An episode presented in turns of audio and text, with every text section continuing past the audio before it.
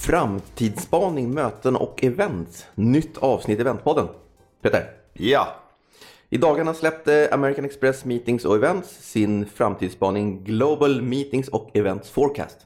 Det låter långt. Det är åttonde gången eh, som den släpps och, och, vi har idag med oss eh, Mikael Ek, eh, Regional Director Nordic på American Express Meeting och Events. Välkommen! Tackar, tackar! Kul att vara här. Eh, vi är ju supernyfikna på den här rapporten, höra vad som sägs och vad som trendar och vad, vad som gäller. Eh, så vi ser fram emot en, en, eh, ett, ett bra snack. Ja, det ska bli jättekul att få prata lite trender och så vidare med branschrävar som är. 104 sidor lång. Det ska vi försöka komprimera ner till någonting som går att lyssna på. Men det är väldigt mycket spännande spaningar där. Ja, vi ser fram emot att grotta i några av ämnena. Mm. Eh, innan vi börjar i rapporten, eh, vem är Mikael? Branschen? Ja, ja, Mikael, jag är Nordenchef då på American Express Meetings och Events och har jobbat där i fem år. Och eh, innan dess har jag jobbat ungefär 15 år i, i branschen. Jag eh, skrattade här om veckan, jag gjorde en föreläsning och så hade de tagit min engelska bio och så hade de översatt den. Och så blev det då att han eh, har 15 års erfarenhet av mindre kreativa eventbyråer. Oh. Smaller creative agencies. och det blev mindre kreativa eventbyråer. Det var ju kanske inte så lyckat. Men uh, ja, det är min bakgrund i alla fall. Så 20 år har jag jobbat i branschen och fantastiskt roligt och otroligt kul att jobba i det tycker jag. Härligt. Och, och om du ska pitcha American Express Meeting och Events? Berätta, okay. berätta. Hur, är det elevator pitch? Är ja, absolut. All right, okay. Ingen 30 minutare. Ja, uh, American Express Meetings and Events är världsledande på möten och events. Vi är världens största mötes och eventsleverantör och tillhandahåller en service end-to-end, -end, det vill säga det lilla upp till det stora. Uh, mötet upp till eventet med all logistik som ligger där till. Med en oslagbar uh, köpkraft och förhandlingsförmåga kan vi leverera lite därtill. Om, jag ska säga att, nu ska jag prata lite svenska då, du pratar ju business-svenska. Ni köper in rätt mycket typ så här hotellnätter och flygresor och grejer va? Ja, det är, det är hisnande summor när man tittar på det. För ni köper in det globalt, ni slår ihop hela köpet? Ja, exakt. Ja. Och det är, det är lite svårt att titta på exakt vilken, eh, vilka siffror man ska titta på. Det är lite olika statistik och sådär. Det finns en, en stor eh, inform, eh, en kanal som heter CMI Top 25. Den driver väldigt mycket i USA men också en hel del globalt. Och där är vi så pass stora att lägger du den som kommer på andra plats, tredje plats, fjärde, femte, sjätte och sjunde plats och adderar deras eh, hotellnätter tillsammans och antalet möten de eh, hanterar så kommer de upp till hälften av det vi gör. Oops, där har vi skillnaden. Mm. Och då kan ni tjäna pengar och så kan ni kapa kostnader till kunden. Ja, exakt. Ja. Och sen har vi då såklart en, en väldigt stor geografisk räckvidd. Det finns i 149 länder. Av de 150 länderna så är det 60 stycken länder där vi är helägda. Och vi är lite mer än 2000 personer som arbetar globalt. Så det är klart att när vi gör ett evenemang och planerar eh, någonting i Göteborg med en kund där för ett evenemang i Shanghai så har vi våran personal som jobbar på plats. Ja. Eh, eller var det nu än är i, i världen. Och det är en fördel såklart att vi kan jobba. Ehm, sen är inte det den bästa lösningen för alla. Ehm, vi är inte snabba eftersom vi är så pass stora. Även om vi försöker att vara så snabba som möjligt så är det ju en, en, en utmaning för oss att hantera och agera snabbt. Och där har ju såklart de, de mindre kreativa eventbyråerna ett, ett, ett, övertag som ju mycket, mycket snabbare kan implementera en idé till ja. en action. Men kanske inte köper 200 miljoner hotellnätter per år. Nej, exakt. Det där ser vi en stor skillnad. Ja. Vi hanterar alltså mötesvolym någonstans runt 20-30 miljarder kronor årligen. Det blir en slant. Det blir en slant. Får man fråga hur ser det ut Sverige, Norden-Sverige? Ja, eh, Norden-Sverige så är ungefär 10% kan man säga den globala eh, volymen av möten och events. ungefär 10 000 möten och events hanterar vi. 10 000? Ja. Och hur många av dem är i Sverige då? Ungefär 4 000, 3-4 000. Så i princip så dränger ni iväg 10 möten eller events om dagen drygt? Ja, 20 nästan blir det väl. Ja, nu beror det på hur du räknar, det är mycket ja, sant. Nu, nu pratar jag Norden, du kanske tänkte Sverige? Nej, okej, okay, jag var kvar på Sverige. Ja. Ja, men okej, det är sjukt mycket grejer. Men då är det ju allt från stora grejer till små grejer. Exakt, Ja. exakt. Men ni har väl också mycket i er kunskap, mycket av de liksom prominenta myndigheterna. Det är mycket eh, av, ja, när det ska göras officiella saker i riksdag och regeringsnamn och Sveriges namn hit och dit så har ni ofta varit med historiskt. Absolut, och, och, och vi har ju en hel del av det och sen håller vi på att titta på mycket nu och liksom ja, utvecklar oss i, i områden där vi kanske inte tidigare varit så starka. Eh, jag tror att man tittar nog på oss som ett företag där vi hanterar mycket logistik, eh, mycket den här bas, basgrunden i ett möte och event. Så när det kommer till de kreativa delarna så, så tittar man eh, någon annanstans. Och det håller vi på att försöka ändra och vi nu nyligen precis signat att vi får göra Guldbaggegalan här i Sverige. Ja, det är coolt. jättekul. Eh, Så det är ett steg i rätt riktning. Du har ju ändå jobbat på mindre kreativa byråer så att... Jag har ju Det här är ett be- begrepp numera. Jag har ju det. Så att, eh, ja, det där får vi se hur, det, hur det utvecklas. Men det, det, det är spännande. Det är ju såklart inte bara någonting som är här i Sverige eller Norden. Utan det är en global strategi. Och vi är väldigt starka i ett område som vi kallar för SMM, Strategic Meetings Management. Och det inkluderar ju ett strategiskt hållningssätt till hur man hanterar och managerar möten. Och det här är ju en viktig komponent i det hela. Allt eftersom branschen växer och, och mognar och det gör den ju egentligen varje år för år. Det är mycket det vi pratar om i rapporten här. Att vi ser att den fortsätter gå åt rätt håll. Även om det tar tid. Men vi ska tillbaka till det här med, med strategic meeting management lite senare tror jag. Ska, vi- ska vi kasta oss på rapporten? Ja, vi väntar lite med rapporten. Vi ska bara ställa en liten fråga kring, eh, kring American Meeting och Events. Jag tänker kort. Ja, American Express meeting. men är. här ska rätt ska vara rätt. Ja, Mm. tack, tack. Ann- Annars kommer de rycker i dig från New York vet du. Jag ber om ursäkt. Eh, tänker man fortfarande kortet? Eller vad, hur tänker man? Ja, det är en jättebra fråga. Det där är ju såklart eh, ett av världens mest igenkända varumärken, den blåa boxen som vi har. Eh, Och 2014 så styckade man upp bolaget i två delar. Så American Express eh, delades upp i två delar och man valde då att ta bort affärsresedivisionen, meeting och eventsdivisionen och consultingdivisionen. Och de tre enheterna skulle då forma ett nytt bolag. Och anledningen till detta var att man egentligen inte var särskilt lönsam på sin affärsresedivision. Det var en, en del i en jätteorganisation där man hade betalningslösningar och kort och så vidare. Uh, och så bara skapade man då det nya bolaget och kallade det för American Express Global Business Travel. Och så sålde man då 50% av det nya bolaget till en investerargrupp för 900 miljoner dollar. Och så valde man att de här pengarna skulle stanna på balansräkningen. Man stannade kvar, 50% ägande och så hade man 900 miljoner på banken och så tillsatte man en VD på bolaget och så skulle man då vända, eh, vända de, svart, eh, förlåt, de röda siffrorna till eh, de svarta helt enkelt. Och det har ju då eh, resulterat i en väldigt spännande resa de senaste åren och framförallt en hel del förvärv. Och för våran del då på meeting och event så har vi ju märkt en hel del eh, uppköp. Till exempel eh, det första som gjordes då var våran partner i Finland som vi då heter SMT. De köpte vi upp. Det var, en av, det var det första som tillkännagavs. Och sen så köpte vi även upp då Bank Sadler som är ju en, eh, en mindre kreativ eh, eventbyrå. Men en ganska stor mindre kreativ eventbyrå. Exakt. Eh, De är ungefär 250 anställda i, i England och så har de kontor i Frankrike, Tyskland, USA och Kina. Så att det är ju en, en, eh, ett steg i, i den strategin som vi har att vi ska bredda vårt erbjudande. Eh, Och sen då tidigare i år så släpptes den stora bomben då när vi köpte upp HRG som ju är ingen liten resebyrå och eventbyrå. Eh, Det är ju eh, en jätteaffär som gick igenom nu bara för några månader sedan. Så nu är vi ett team, eh, ett bolag och jättekul att växa med duktiga, duktiga medarbetare på, på HRG-sidan. Så det är, det är jätteroligt. Och bara i Europa så kommer det på meetingsidan, kommer in nästan 500 medarbetare som jobbar med det. Så det är fantastiskt kul. Stor blir större. Ja, spännande att se hur det utvecklas. Nu pratar vi rapport. Nu ska vi prata rapport. Eh, åttonde gången ni gör den. Ja, det stämmer. Och den här släpps eh, då typiskt på IMAX i- i Las Vegas. Vad är IMAX?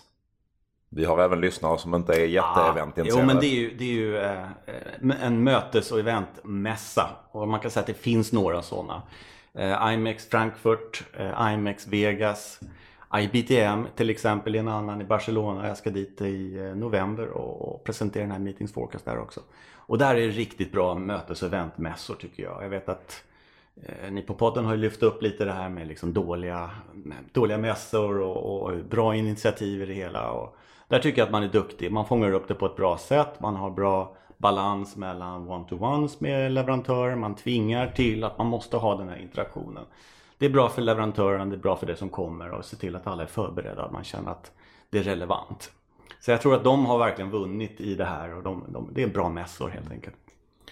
Jag brukar bege mig vartannat år ungefär. Räcker för att hålla sig fräsch i, i, i relationerna och i, i uppdateringarna. Så, så att eh, jag kanske prickar rapporten ungefär samtidigt. Ja, exakt. Och det, sen är det så att det, tidpunkten är ju eh, väl vald för att vi behöver ju få in en hel del information inför nästa år.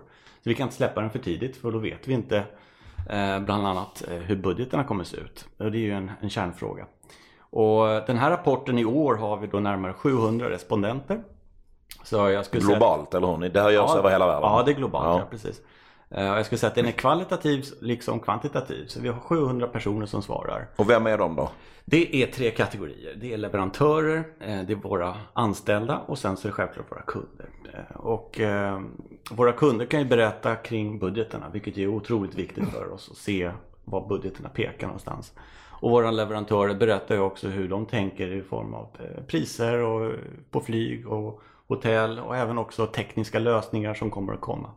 Och sen sitter ju vår personal lite i, i mitten av alltihopa och, och fångar upp trender, utmaningar, eh, ledtider och sådana saker som är otroligt viktigt att, att lyfta upp. Och så sätter vi ihop alltihopa i en rapport och, och kommer ut med den. På 104 sidor. Och årets rapport eh, andas optimism. Ja, det tycker jag. Eh, och, och det det beror lite på om man tittar. Det är klart man kan ju titta med olika ögon. Men jag, jag gillar att ni säger att det är optimism. För det är det faktiskt. Branschen tar plats. Um, och ökade investeringar och ökade budgetar driver ju det här.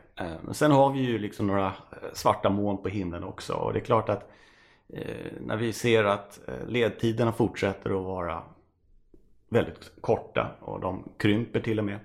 Vi ser också att eh, även om budgeterna ökar så ökar de inte i paritet med kostnaderna som leverantörerna index, kommer att ta. Index, index, mm. mm. Så att vi... vi ser kanske en 3-4% ökning på, på flyg och på hotellen och så har vi en eventbudget på kanske 1,5%.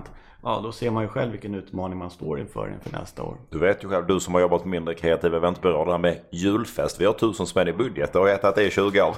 ja, ja Något har blivit dyrare längs resan också. Exakt. Men Peter, en fråga till dig då. Du brukar ju säga att det blir färre men bättre möten. Ja, och det stämmer inte riktigt överens med den här, med den här eh, rapporten. Men jag tror att jag tror jag vågar säga det fortfarande. För i den, den ändan av mötes och eventindustrikartan som vi befinner oss. Vad var det nu? Mindre kreativa eventbyråer. Där tycker jag att man ser den trenden fortsatt väldigt tydligt. Eh, att när man gör någonting så ska man göra det riktigt, riktigt bra. Och folk tar sig gärna tiden men det måste verkligen jobbas igenom.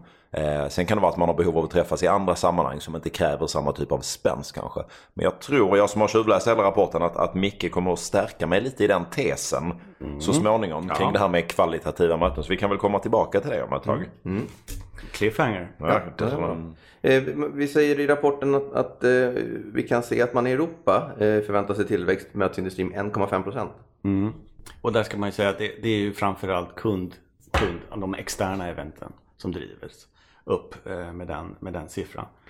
Ehm. Och för oss som inte har läst de, här, de rapporterna innan, är 1,5% mycket ökning, lite ökning? Nej, det är en ganska marginell ökning. Och det är mindre än kostnadsmassan fortfarande? Ja, det är ju det. Eh, sen är det ju regionala och lokala skillnader.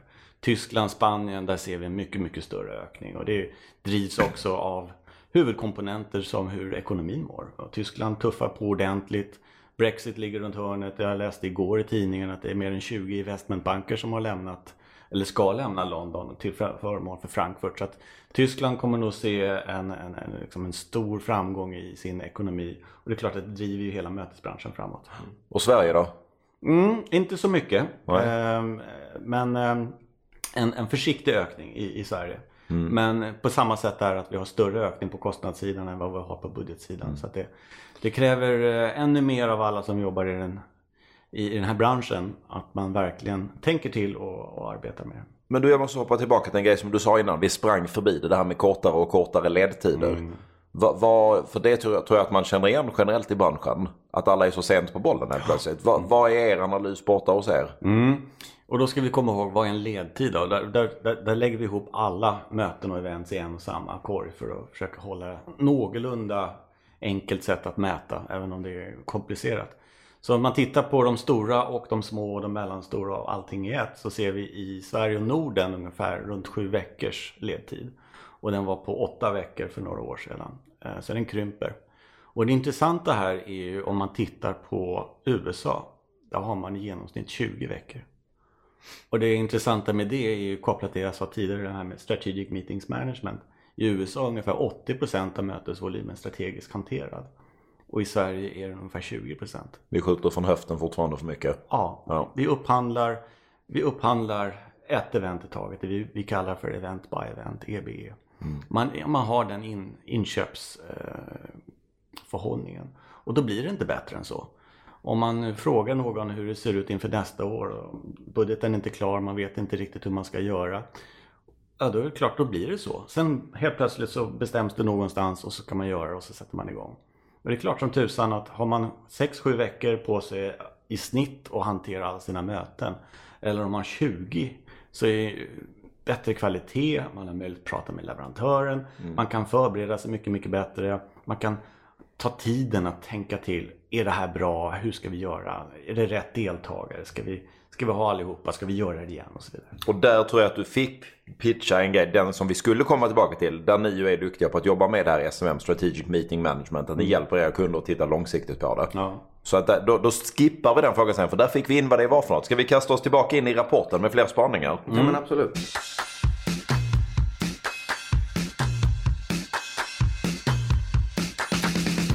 Det, vi pratar ju incentivdelen. Ja, det, det, Vad säger rapporten där? ja 16 000 som snittinvestering. Eh, Vänta, stopp. Vad är ett incentive? Du är så, du är så pedagogisk. Ja, det är jag. är fler Du vet, min, min gamla mamma lyssnar på varje avsnitt av podden och hon kan ju ingenting om det här. Så tänker jag när vi bygger podden. Det tror jag är rätt faktiskt. Vad är ett incentive då?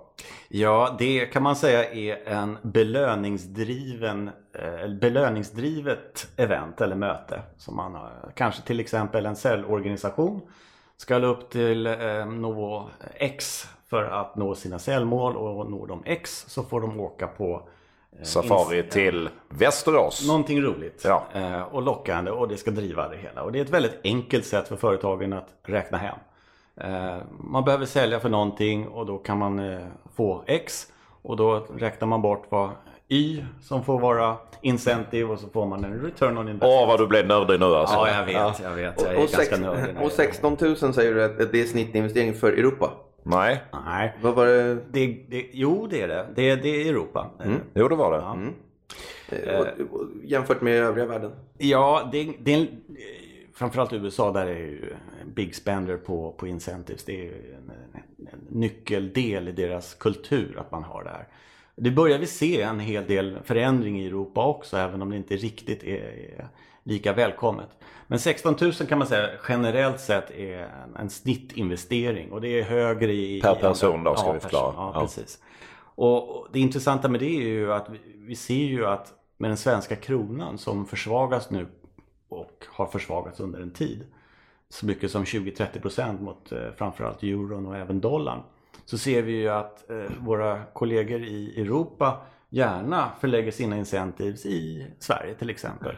Eh, man får ju 20-30% mer för budgeten och har du då 16 000 och i Frankrike som en snittbudget och försöker lägga någonting i, eh, i Tyskland eller om du ska lägga det i Sverige och få 20-30% mer. Ja, då är nog Sverige ganska bra alternativ. ja. Så vi kommer att se och vi ser redan ett stort flöde av incoming förfrågningar. Och det, det driver ju eh, branschen bra. Vi ser också ganska mycket stora företag som väljer att lägga globala lanseringar här i Sverige och det är säkert också drivet av den svaga kronan. Så det kommer ju driva våran eh, lokala mötesproduktion framåt. Det tror jag. Och försämra lite för att åka utomlands så blir det lite dyrare och någon kanske Ja. inte vill göra det. Det blir det. Vad säger vi Jonas? 16 000, känns det som du som har gjort mycket incentives i ditt liv? Ja, det låter nog som en ganska rimlig. Ja, min känsla är att det kryper lite uppåt. Ja, det beror ju såklart på hur stor gruppen är. Är de tusen man så klarar man sig gott på 16 000. Sen är det lite svårare om de är två man kanske. Mm. Ja, absolut så är det. Men det är ju någon form av snitt. Men det, men, men, nej, men det, det låter... Ja, det är svårt att ifrågasätta rapporten. Nej, det, det verkar rätt genomarbetat. Det verkar, det verkar rimligt att tro att det, Men det, att men det var inte Sverige 16 000, det var Europa. Sen låg Sverige något lite lägre var det Ja, så? det stämmer. Och, och USA är någonstans runt en eh, 20-25. Så det är, Vi flyttar till staterna, det låter roligare.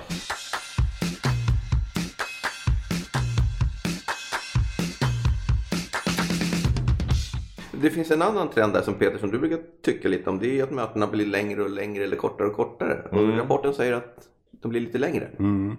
Ja, lite längre blir det. Och det är kopplat lite till att kvaliteten på mötena blir bättre. Att man väljer bort de som inte är bra helt enkelt. Och när man väl har ett möte så kan man då faktiskt genomföra det precis på det sättet som man hade tänkt och då addera den tiden man behöver. Gör man fyra stycken möten så kanske man istället gör tre eller två stycken och så kan man verkligen säkerställa att man Och investerar. göra dem lite längre. Nu är vi precis där på det jag ville komma åt. När folk tar sig tid så ska man göra det bra. Så möten måste vara bra. Det är slut på menlösa möten. Det är det såklart inte men det blir mindre och mindre vanligt. Och jag tror att det kanske finns någon form av stöd för det här då också. Ja, det är det ju. Och det är också kopplat till SMM och där vi ser en ökning. Eh, och det är klart att har man en mer strategisk hållning så förstår man ju också att av de här fyra eventen så kan vi skippa ett av dem. Och eh, då sparar vi pengar och då kan vi ta hälften av de pengarna vi sparar och lägga på de andra eventen. Och så gör vi en besparing och sen en förbättring på mötena. Så att, men har du inte den framförhållningen så kommer nog troligtvis de här fyra eventen rulla på år efter år efter år. Ja, där finns mycket att göra. Då har vi ett annat område i, i rapporten. Eh, teknologi, mötesindustrin.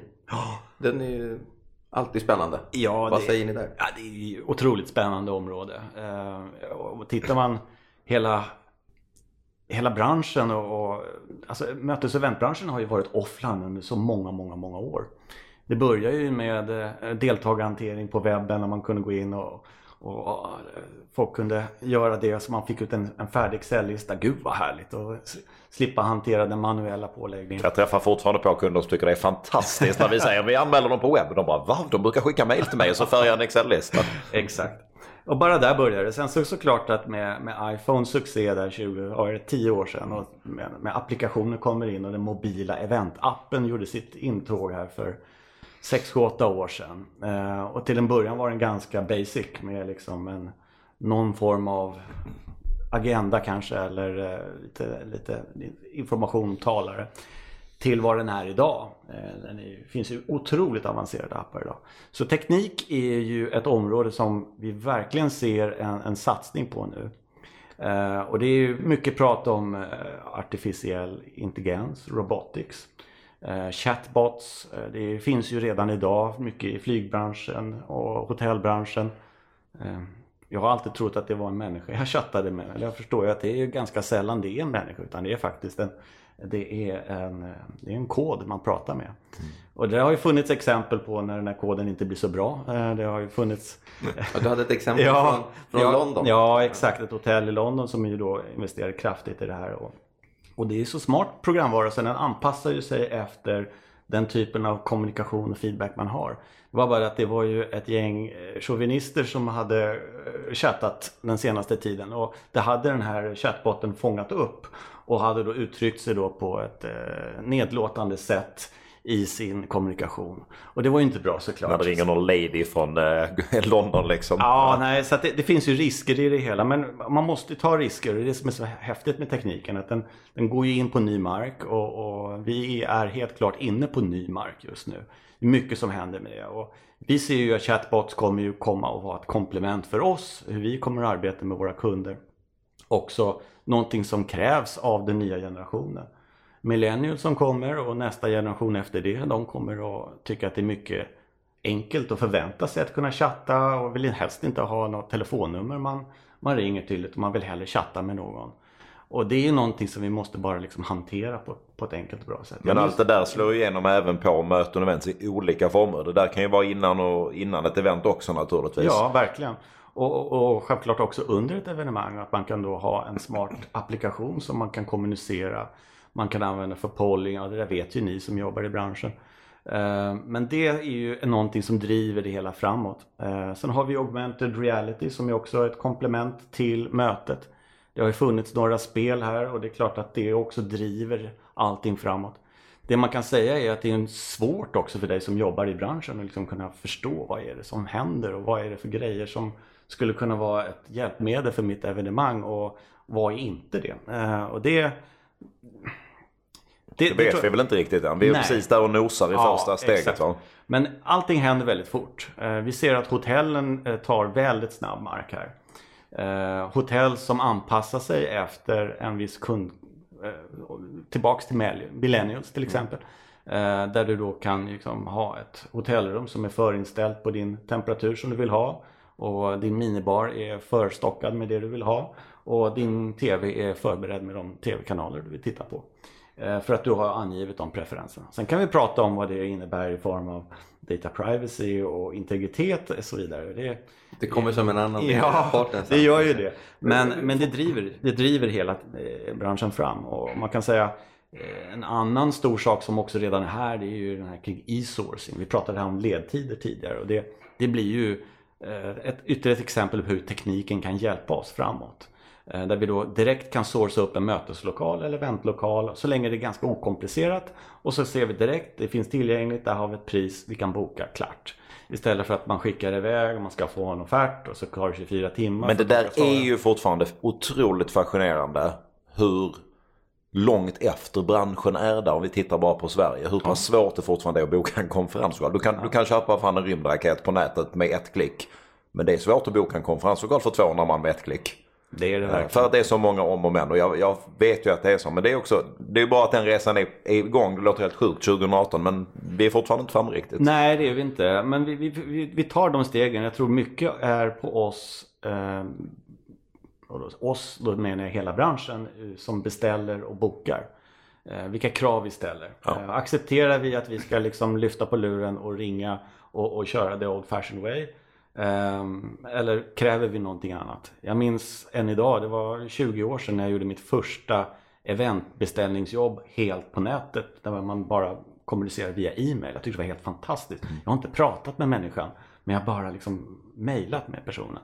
Och det är ingenting som är konstigt idag 20 år senare. Mm. Och jag hoppas att vi är på väg dit nu också i branschen där vi då själva höjer upp oss och säger nej, det här är inte okej. Okay. Vi behöver kunna göra saker och ting bättre. För vissa typer av event. Mm. Får man fråga, eftersom ni har en global vinkel på, på det ni gör, skillnaden i, i suget kring teknologin runt om i världen? Vi tycker att vi är rätt på här i vår del av världen. Jo men det är vi. Och vi är ju, om vi säger Norden som region och Sverige i synnerhet så är vi ju otroligt ledande i det här. Det är bara att titta på de tech startups som har eh, kommit ur den här regionen och, och Sverige i synnerhet. Eh, så det är ju fantastiskt bra och vi har ju en smartphone-penetration som ligger i, i topp där med Sydkorea och så vidare. Så att vi, vi ska kunna göra och vi borde kunna göra mer. Och jag sitter ju med i en grupp på American Express Meetings Events där jag driver en, just det här teknikområdet. Och försöker vara lite den elaka eh, som hela tiden utmanar oss. Alltså vi måste, måste, måste. Och vi har ju ett helt team som jobbar och investerar kraftigt i det här området. Inte bara för våra kunder och nya applikationer, nya system och så vidare.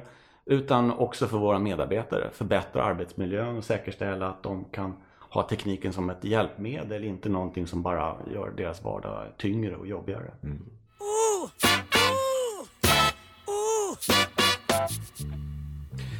Nästa område på rapporten.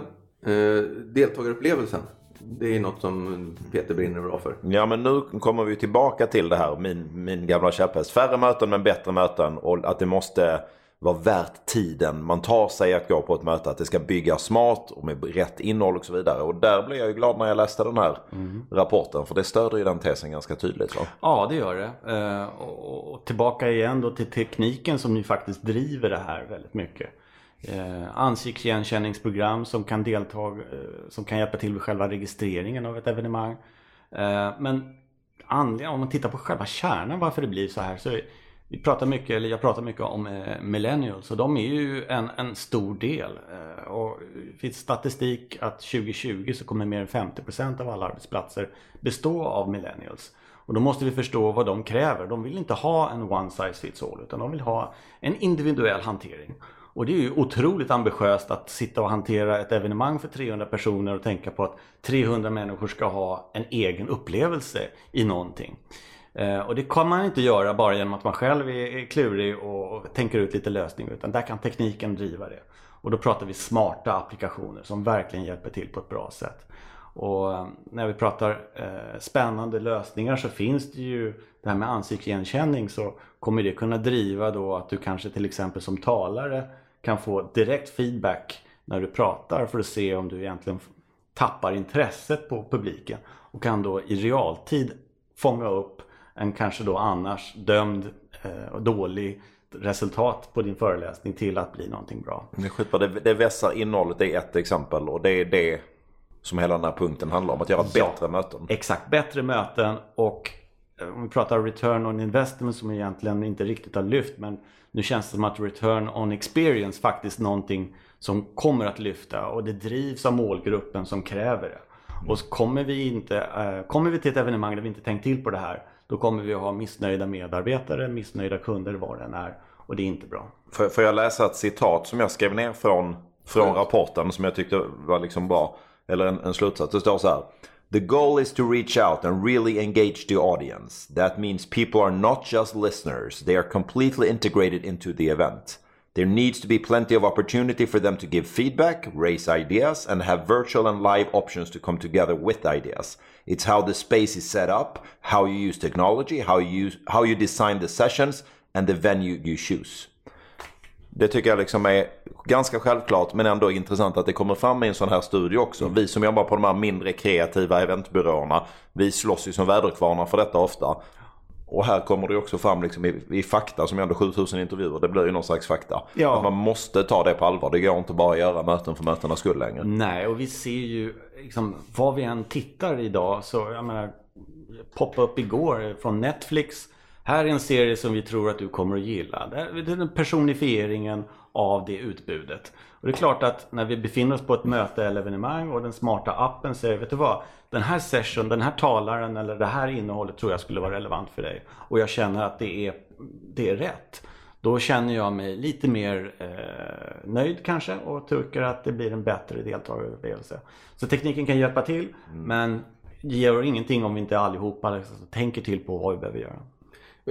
Jag tänker att mycket av, av tekniken kommer från sändarsidan. Säljaren, sänd, eh, eh, talaren. Eh, men, men tekniken lär ju slå även på, på andra sidan, köparsidan. När deltagaren är, jag skickar min robot. Då finns det ingen relationstanke. Det finns ingen interaktions för jag är inte ens där. Det är min robot som, är, som köper. Ja eller så behöver de interagera med varandra. Vem vet när vi är där så det går ju bara att spekulera i. Robotarna måste kanske också träffas. De kanske också behöver det fysiska mötet ibland. Who ja. knows? Ja. Du kan i alla fall garantera full lokal. Ja. Eller så lägger vi ner hela branschen som jag brukar säga. Spännande. Men du lokaler. Mm. Får man fråga om det då? Eh, vilken, det finns ju någon trend där också liksom kring vilken typ av lokaler som efterfrågas. Ja och det är ju de unika lokalerna såklart som, eh, som drivs. Eh, och det är klart det byggs ju inte nya lokaler som är unika hela tiden. Eh, det vi ser i rapporter är ju att det är ganska litet nytt utbud, i alla fall i Europa och jag tittar på lokalsidan under 2019.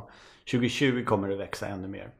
Men vad, vad, menar du med, alltså jag förstår vad unika lokaler innebär men du säger att självklart är det det som växer. Varför är det det som växer? Det är lite ledande fråga för jag vet ju vad det står i rapporten. Ja, det är kopplat till målgruppen och vad de efterfrågar såklart. Och det, är, det går inte bara att köra den här klassiska konferensen och så tar man och återupprepar det, det konceptet igen, igen, igen. Fast det skulle gå för sådana gamla stötar som oss. Men det handlar väl om det här du var inne på millennials innan. Ja, precis. Att är nya, nya, de yngre människorna som kommer in på arbetsmarknaden. Där förväntar man sig en bättre kreativt förpackad lokal. Ja, exakt. Och där är det inte bara själva lokalen utan det är det detaljerna och komponenterna i det hela. Mm. Radisson har ju valt och förstått det där på ett mycket klokt sätt tycker jag.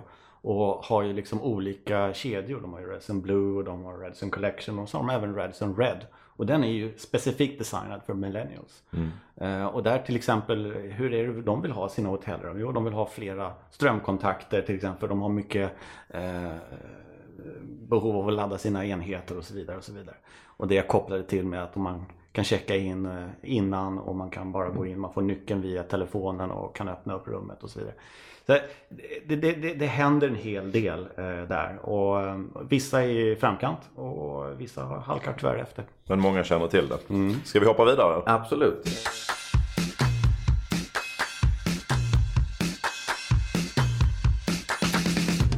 Något som var väl kanske oundvikligt i det här årets rapport är ju GDPR-delen. oh, ja. Jag har sån automatisk, jag somnar svårt att höra den kombinationen. Ingen rapport utan GDPR. Nej. Vad, vad, vad tänker ni? Vad ja, eh, GDPR. Du käre vän. Ja, herregud. Ja, det var mycket, mycket mail som plingades in där i, var det i maj eller vad, vad det nu var. Kommer fortfarande faktiskt, någon som är ganska sent på bollen. Ja. Nej, men det är en stor omställning såklart. Eh, för oss som företag så, så, har det inte varit någon större förändring. Eh, och det är för att vi till skillnad från många i branschen, vi är, vi är ju en bank. American Express är en bank. Eh, så vi har ju den högsta certifieringen vad det gäller data protection, så kallad eh, Binding Corporate Rules. Eh, och det är vi ensamma om att ha.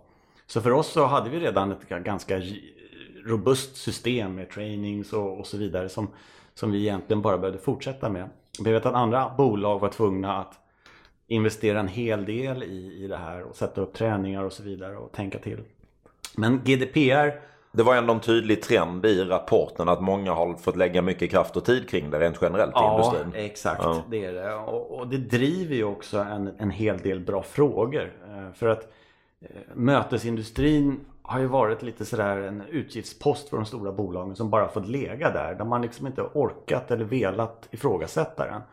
Och ibland när jag går på möten och träffar kunder så frågar man ja men hur ser era rese, resemönster ut? Och då kan man berätta jättetydligt så här mycket bokar vi online och vi flyger inte kontinentalt. Så här mycket lägger vi på tåg. Och du kan bryta ner det i alla beståndsdelar. Mm. Och sen följer man upp då, hur ser era mötesinvestering ut? Ingen aning. Mm. Vi kanske lägger 50-100 miljoner eller 200, jag vet inte. Och där ser man ju lite på hur det ligger till. Och jag menar med det här är att GDPR driver just nu bolagen framåt att man kan inte bara låta 50, 100, 200 miljoner vara icke-managerat. För det är dryga böter om du inte har koll på det hela. Vänta, vänta.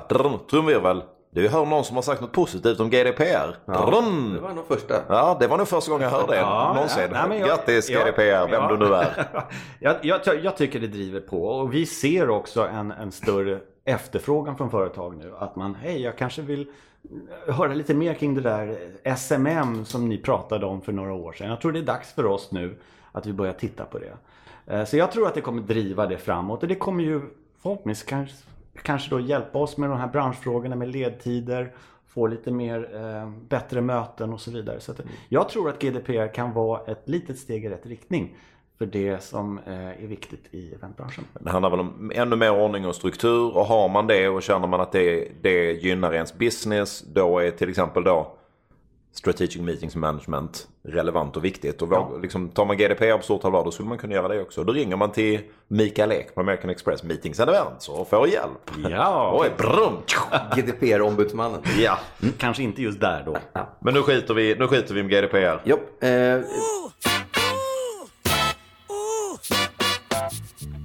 en liten så här, bekymmersam sak kanske för, mm. för eh, mötesproducenter. Mm. Förändringar i provisionssystemet. Ja, det har vi, det har vi sett. Eh, och det, det är framförallt eh, hände en stor konsolidering med Marriott och Starwood som skapar en sån otrolig hotellgigant. Vänta, vänta, vi bromsar bara så det blir rätt här nu. Vi ska förklara för min gamla mamma och övriga lyssnare. Eh, producenter i mötesbranschen, eventbyråer eller konferensproducenter, allt vad det kommer för någonting, tjänar pengar på lite olika sätt. Man kan ta arvoden, bla bla bla. Och en, en uh, hyggligt stor del är även provisioner från underleverantörer. Och det gör ju att som i, i uh, Mikaels fall, är man en jätte, jätte, jättestor inköpare så är det lite lättare att få stora provisioner. Då kan man då till stora delar bli ersatt för sitt jobb via provisionerna. Kan man inte få provisioner då måste man ta lite mer betalt av kunden. Exakt. Så nu pekar det upp, nu kan, du, nu kan du fortsätta. Vad är det ni har kommit fram till?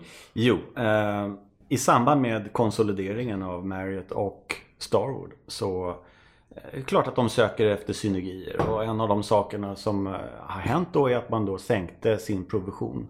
Sin allmänna överlagsprovision. Eh, Varför? För att man ansåg att man eh, kunde direkt styra kontakter med, med kunderna och de som då jobbar i mötes och eventbranschen eh, inte skulle få detta. Och man ansåg att eh, det skulle vara viktigare att man hade direktkontakter med kunderna. Eh, och att det inte skulle påverka dem nämnvärt. Jag vet att någon annan också har hängt på. Eh, men det vi också sett då är att andra aktörer i samma eh, bransch väljer att eh, hoppa på då att säga, nej men vet du vad? Lägg bokningen hos oss så vi fortsätter att behålla det hela. Och det är klart att då styrs ju väldigt mycket till de andra om det inte är tillbaks till det här unika. Men om man ska titta på en mötesanläggning i Stockholm så är det inte särskilt unikt med att ha någonting utan det finns ju faktiskt en hel del att välja mellan. Men det är en stor fråga och det är någonting som också drabbar kunderna eftersom kunderna oftast väljer en, en mötes och eventleverantör som konsoliderar. I fall när man har det strategiska mötesprogrammen då är det nästan uteslutande någon som gör det. Ehm, och där ser vi ju att det blir ju dyrare för kunderna i slutändan. Mm. Så att eh, min eh, personliga reflektion är att vi kommer att återgå tillbaka till det gamla systemet. För jag, jag tror att det är en liten tankevurpa. Eh, man ville testa och se. Jag tror inte att när siffrorna kommer att komma in så kommer de att se att de har sparat på provisionsområdet men de har tappat i den totala volymen och det kommer att kosta mer än vad de här provisionsprocenten ger. Men man kan ju förklara då för de, de lyssnarna som verkligen inte alls hänger med varför man får provision då. Det är ju för att om en, en, en aktör som American Express kanske gör på ett stort eh, möteshotell så kanske ni gör 200 möten på ett år. Där är ni naturligtvis en väldigt, väldigt intressant och relevant kund. Därav rabatten, volymrabatten. Men vi får väl se. Ja. Det är ju ett ganska markant ställningstagande från de här hotellkedjorna då framförallt. Och det är det. Ehm, och det, det ska bli spännande att se hur det utvecklas. Ja, vi får se. Ja, we'll see. Du har eh, under vårat prat här vid upprepade tillfällen varit inne på, på strategic meeting management. Mm. Eh, berätta för den som inte förstår, vad är det? Ja, det är ju det här strategiska förhållningssättet till möten och events. Och det är ju egentligen fram, framförallt läkemedelsbolagen som har drivit den här eh, förordningen kan man säga och förhållningssättet. Eh, för där finns det ju och har funnits sedan många, många år böter eh, om man inte har koll på sitt mötesprogram. De får inte bjuda sina läkare på vissa saker. Femstjärniga hotell eller kongresser. Och så eller små piller eller? ja, nej, men det finns massvis med saker som de inte får göra som inte andra företag behöver tänka på. Och därifrån så har det kommit då att man behöver eh, säkerställa att man har ordning och reda, det compliance är viktigt och så vidare. Fast det där är ju alldeles, att ta det alldeles för lätt. Ni har ju mycket högre svansföring och så, med, med all rätt tycker jag. Det är där mm. egentligen så skulle ju varenda företag som gör mer än liksom, en handfull möten behöva det. Det handlar väl egentligen Absolut. förenklat om att ha koll på vad gör vi av alla våra pengar med möten och events. Ja, det är det ju. Det, det, där är lite mer en reflektion till eh, var det kommer någonstans ifrån. Mm. Eh, och nu så med GDPR som kanske också hjälper till här nu och lite annat. Så kommer det att hjälpa företagen eh, att förstå att man måste ta tag i det. Och det är klart att eh, ett företag som är fragmenterat, som köper in ett event i taget och går mot en mer strategisk eh, inköpsförhållning kan ju spara upp till en 20-25% av sin totala mötesvolym. Det är mycket pengar om man tittar på sista raden. Mm. De första 10-15 procenten kan man uppnå bara genom att man tar tag i det hela, man styr och gör bättre möten och så vidare. Eh, de sista 10-15 procenten uppkommer egentligen med interna processbesparingar. Att man kanske outsourcar en lösning helt ut. Och jag skulle säga att det finns kanske idag en eller två globala läkemedelsföretag som är totalt helt optimerade i sitt mötesprogram. Och där sitter man och tweakar på minsta lilla, lilla, lilla, lilla sak. Och då är det helt outsourcat. Vi jobbar idag med en av de kunderna och eh, vi har närmare 150 personer som jobbar med den kunden globalt sett i hela världen. Så att, eh, och, och, och där finns det ju bra eh, framgångshistorier kring det hela. Men jag tror att den största frågan det är varför man ska göra det. Och det är att man måste titta på en kombination av saker. Ska man spara pengar? Ska det bli bättre möten? Vill man undvika GDPR-böter? Vad är det för någonting som är driver? Vem kan svara nej på alla de där? ja, men eller hur? Nej tack, det var sämre möten. men sen kommer det kanske det viktigaste tipset tror jag, framförallt för då här i Norden när vi är så fragmenterade. Se för tusan till att man involverar alla stakeholders i det hela. Och det är inte bara inköp eller VD eller ledningsgruppen. Det är ju en garanti för dåliga möten när man bara tar inköp. Ja, Det har ju historien visat. Involvera mötesägarna. De har en relation som de gärna vill fortsätta med. De har ett tänk och någonting. Och att köra över dem i en, en inköpsprocess kommer inte resultera i någonting annat än att de kommer sätta sig med armarna i kors och säga Nej, jag tänker inte jobba med det här. Jag tänker inte supportera det. Och då har du någonting som ser jättebra ut på pappret men som inte kommer ge någonting. Mm. För det är ju uh, som, vi, som vi har sagt stor skillnad på att köpa in skruvar och muttrar via inköp eller att köpa in mötesupplevelser via inköp. Helt Japp. sant.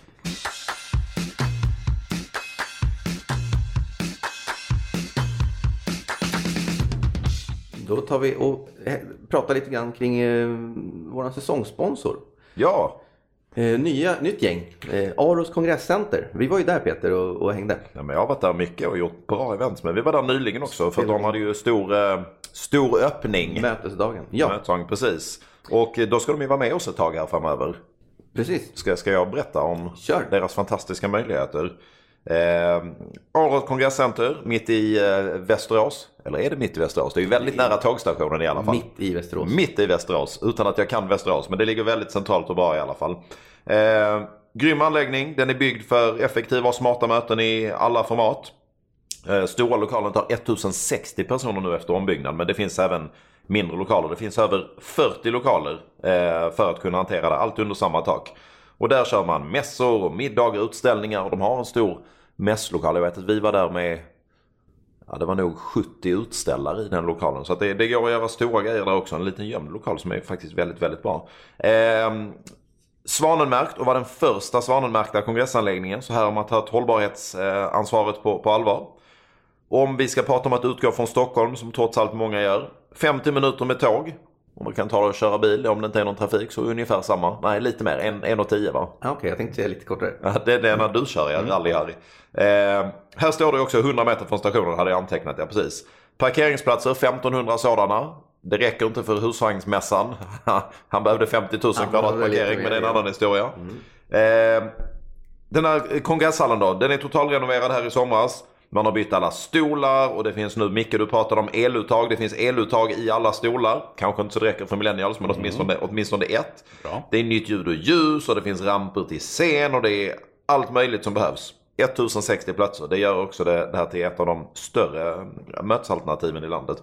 Och i den här koncernen som driver detta så finns det Hotell Plaza som ligger direkt intill va. Eh, helt nyrenoverat. Det är lobby, gym och skybars och spa och så vidare. 202 rum och man har även Hotell Esplanad som är ett rent businesshotell med, med 76 rum och det här kan man gå till. Så vad blir det då? Det blir nästan 300 rum. Det räcker inte för 1060 platser men det räcker ganska långt. Sen finns det ju andra hotell också. Eh, och framförallt om jag får göra en personlig reflektion. Härliga människor med Anna och kompani där borta som vill, vill väldigt, väldigt, väldigt väl. Och här kommer en uppmaning. Den som vill kontakta dem vi lägger på Facebook, LinkedIn och dit och kika. Ja. De bjuder gärna på en bra visning och, och pratar lite grann kring, kring allt det de har eh, uppgraderat. Och när man är i Västerås så ska man dessutom gå, vad var det nu, käka korv på slakterihuset. Vad var Ja. det? Det där som vi aldrig fick till senast som vi skulle göra. Stämmer bra. Men tack, tack Aros kongresscenter för att ni är med oss. Vi önskar all lycka i framtiden. Micke här på American Express Meetings and Events har lovat att lägga alla sina 10 000 möten i Norden där från och med nu. Ja. Ja, och där fick Mikael sparken. Ja,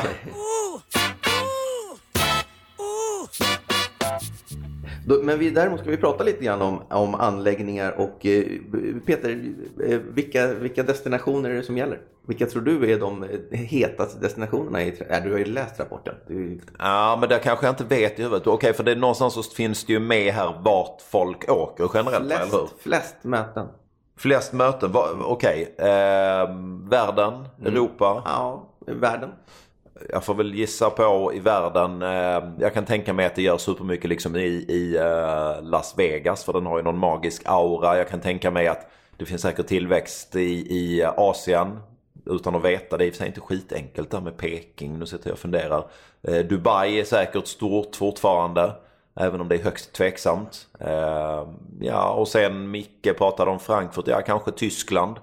Vet inte. Mm. Kan tänka mig att man borde hålla sig borta från England men jag undrar om folk gör det. Men det, vi kan väl få fakta här. Det, det finns väl i Vi har ju rapporten? facit bredvid oss. Ja, berätta. Ja, trumvirvel. Var jag snett på det? Ja, nej men du, du, du, är, där, i- du är där och nosar. Ja. Eh, London, eh, New York och Dubai är de eh, tre destinationer där det byggs flest mötesanläggningar.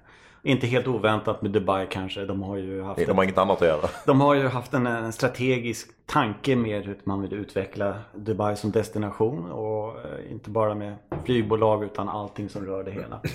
Eh, New York och London har ju också stor efterfrågan såklart som destinationer. Och jag kommer ju komma tillbaka till det också lite senare i, i programmet här om de största eh, destinationerna, de mest populära destinationerna i Europa också.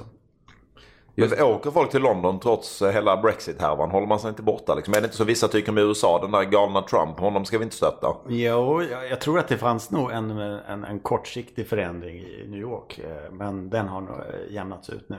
Det finns andra eh, fundamentala saker som driver. Men London är ju helt klart en, en, en topp. Eh, Och Brexit är ju en oro som heter duga.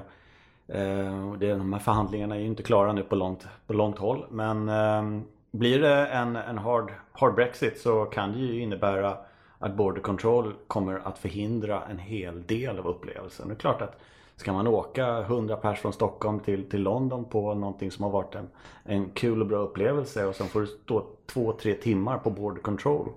Det kommer att förta hela upplevelsen och jag tror att vi kommer se en kraftig minskning av London som destination, favoritdestination. Den har ju legat ohotad som första plats år efter år på den här listan. Och då tänker man på Singapore där, det tar där de har som mål på flygplatsen att det ska ta 10 minuter från att du har klivit av planet tills du är ute ur flygplatsen.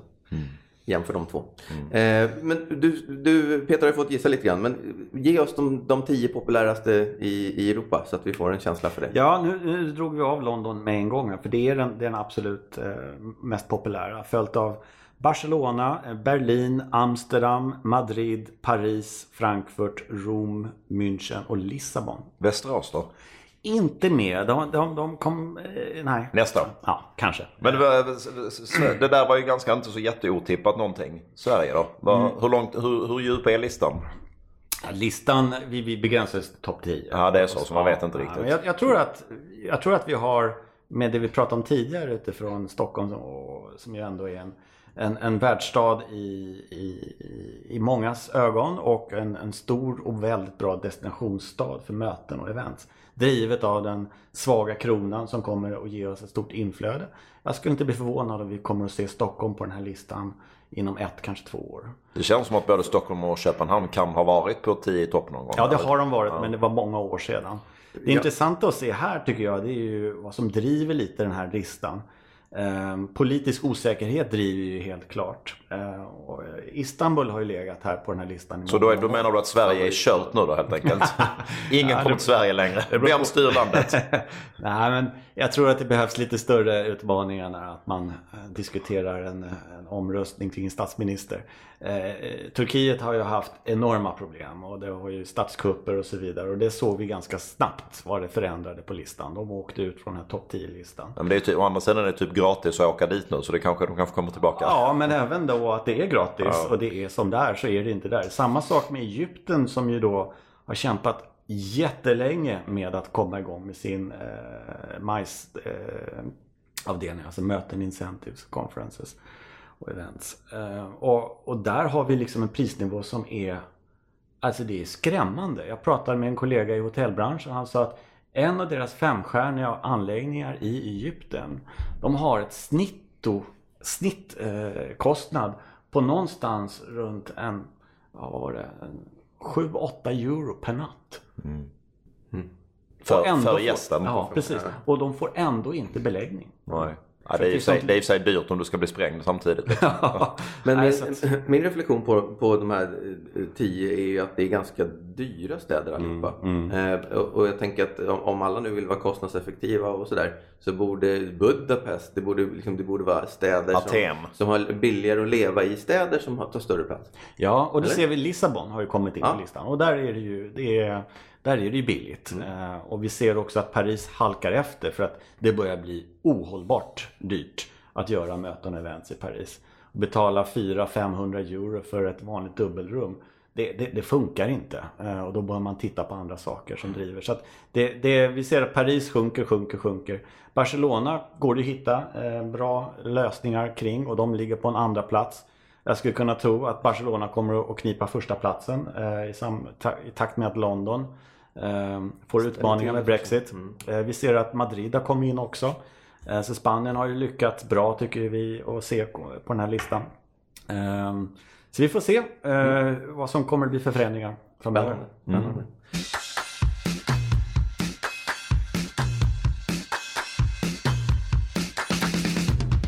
Eh, vi ser fram emot att, att fö- att följa rapporten och se vad, lyssna på mer vad som händer kring den. Men vi, vi brukar ju alltid fråga om en liten blooper. Ja. Eh, Ja. Vad i din bransch har gått tokigt och fel? Eller vad, vad har Kanske du när du var på någon mindre kreativ eventbyrå. Ja. Ja, kanske när jag var det. Vi har ju pratat mycket om teknik eh, och jag tänkte jag skulle berätta om ett evenemang jag gjorde 2005 när jag var på en mindre kreativ eventbyrå. Och eh, vi skulle göra ett kundevent för VM-data hette de då. De heter ju, vad heter de, Logica idag? Nej, de har bytt igen. C, C, ja någonting. Ja.